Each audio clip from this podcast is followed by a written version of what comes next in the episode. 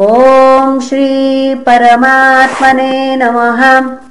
श्रीमद्भागवते महापुराणे पारमहंस्यां संहितायाम् षष्ठस्कन्धे सप्तमोऽध्यायः। राजोवाच कस्य हेतोः परित्यक्ता? आचार्येणात्मनः सुराः एतदा चक्ष्व भगवन् शिष्याणामक्रमम् गुरौ। श्रीशुक उवाच इन्द्रस्त्रिभुवनैश्वर्यम् मदोल्लङ्घितसत्पथः। मरुद्भिर्वसुभिरुद्रैरादित्यैरुभुभिर्नृपम्। विश्वे देवैश्च साध्यैश्च नासत्याभ्याम् परिश्रितः। सिद्धचारणगन्धर्वैर्मुनिभिर्ब्रह्मवादिभिः। विद्याधराप्सरोभिश्च किन्नरैपतवोरगैः निषेव्यमाणो मघवान् सूयमानश्च भारत उपगीयमानो ललितमास्थानाध्यासनाश्रितः। पाण्डुरेणातपत्रेण चन्द्रमण्डलचारुणा। युक्तश्चान्यै पारमेष्ठैश्चामरव्यजनादिभिः। विराजमानः पौलोम्या सहार्धासनया वृषम् स यदा परमाश्चार्यम् देवानामात्मनश्च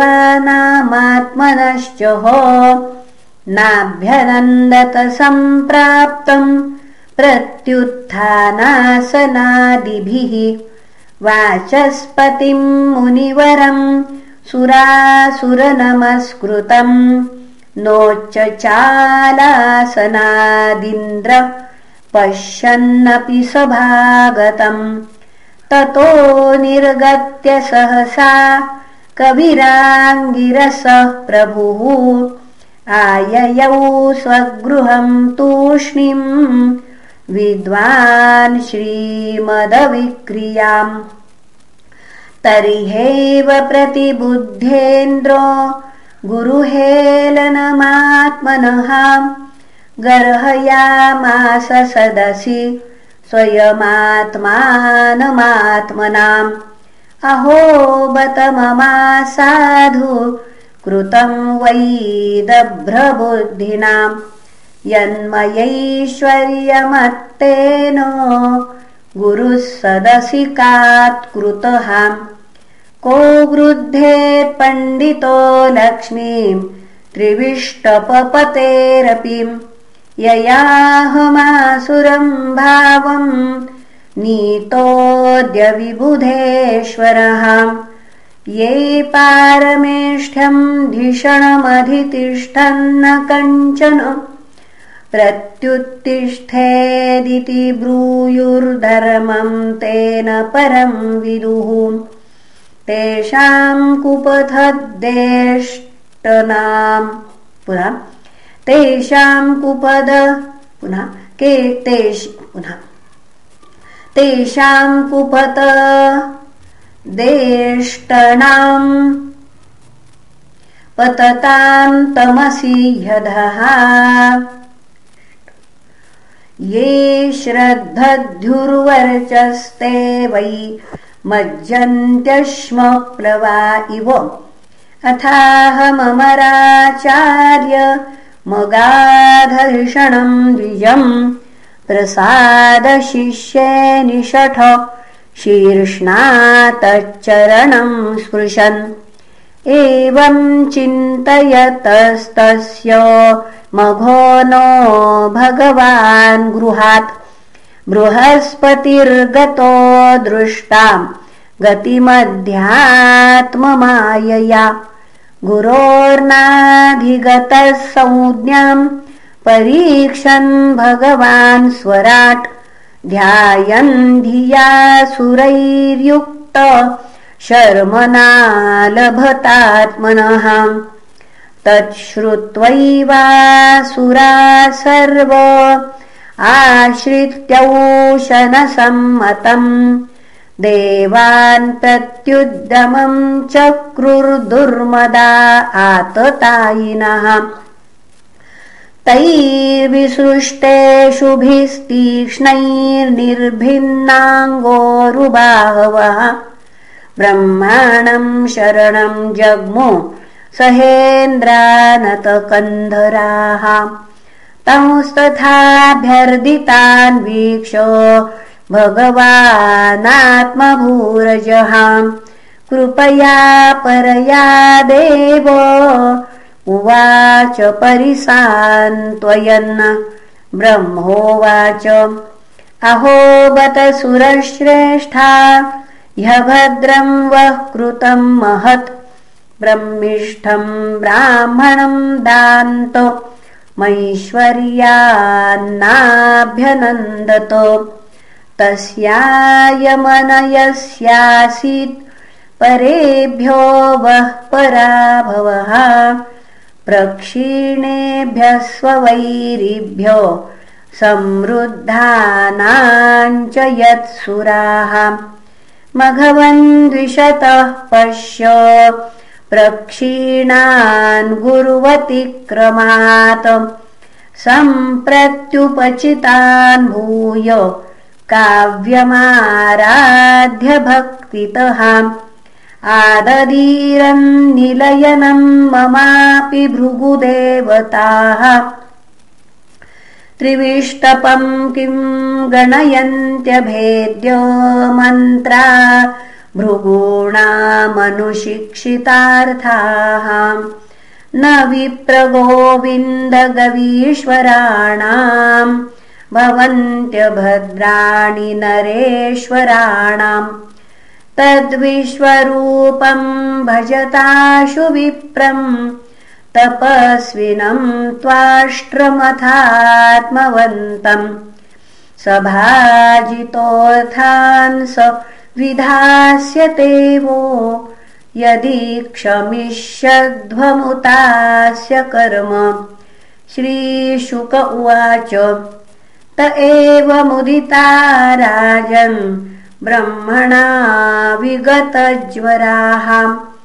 ऋषिम् त्वार्ष्टमुपव्रज परिष्वज्येदमब्रुवन् देवा ऊचुः वयन्ते तिथयः प्राप्ता। आश्रमम् भद्रमस्तु ते कामसम्पाद्यताम् तात पितॄणाम् समयोचितः।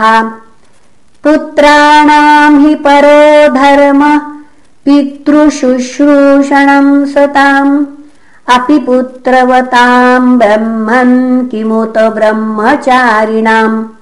आचार्यो ब्रह्मणो मूर्ति पिता मूर्तिः प्रजापतेः भ्राता मरुत्पते मूर्तिर्माता साक्षात्क्षितेस्तनुः। दयया भगिनी मूर्तिर्धर्मस्यात्मातिथि स्वयम्। अग्नेरभ्यागतो मूर्ति सर्वभूतानि चात्मनः। तस्मात् पितॄणामार्तानामार्तिम् परबराभवम् तपसापनसै पुनः तपसापनयंस्तात सन्देशम् कर्तुमर्हसि। वृष्णी पुनः वृणीमहेतोपाध्यायम् ब्रह्मिष्ठम् ब्राह्मणम् गुरुम् यथाञ्जसा विजेष्याम सपत्नांस्तव तेजसाम् न गर्हयन्ति ह्यर्थेषु यविष्ठाङ्घ्रयभिवादनम् छन्दोभ्योऽन्यत्र न ब्रह्मन् वयो ज्येष्ठस्य कारणम्। ऋषिरुवाच अभ्यर्थितः सुरगणै पौरोहिते महातपाः। न पुनः सविश्वरूपस्तानाः प्रसन्नश्लक्ष्णया गिराम् विश्वरूप उवाच विगर्हितम् धर्मशीलैर्ब्रह्मवर्च उपव्ययम्। कथम् नु मद्विधो नाथा? लोकैश पुनः लोकेशैरभियाचितम्। प्रत्याख्यासति तच्छिष्य स एव स्वार्थ उच्यते। अकिञ्चनानाम् हि धनम् शिलोञ्छनम् तेनेह निर्वर्तित साधु सत्क्रियः कथम् विगर्ह्यम् नु करोम्यधीश्वरा। पौरोदसम् हृष्यति येन दुर्मतिः। तथापि न प्रतिब्रूयाम् गुरुभिः प्रार्थितम् कियत्। भवताम् प्रार्थितम् सर्वम् प्राणैरर्थैश्च साधये। श्रीशुक उवाच तेभ्य एवम् प्रतिश्रुत्य विश्वरूपो महातपाः। पौरोहित्यम् वृतश्चक्रे परमेण समाधिनाम् सुरद्विषाम् श्रियम् गुप्ता मौशनस्यापि विद्यया। आच्छिद्यादान्महेन्द्राय वैष्णव्या विद्यया विभुः। यया गुप्तः सहस्राक्षो जिज्ञे सुरचमोर्विभुः ताम् महेन्द्राय विश्वरूप उदारधीः इति श्रीमद्भागवते महापुराणे पारमहंस्यां संहितायाम् षष्ठस्कन्धे सप्तमोऽध्यायः। श्रीकृष्णार्पणमस्तु। हरये नमः हरये नमः हरये नमः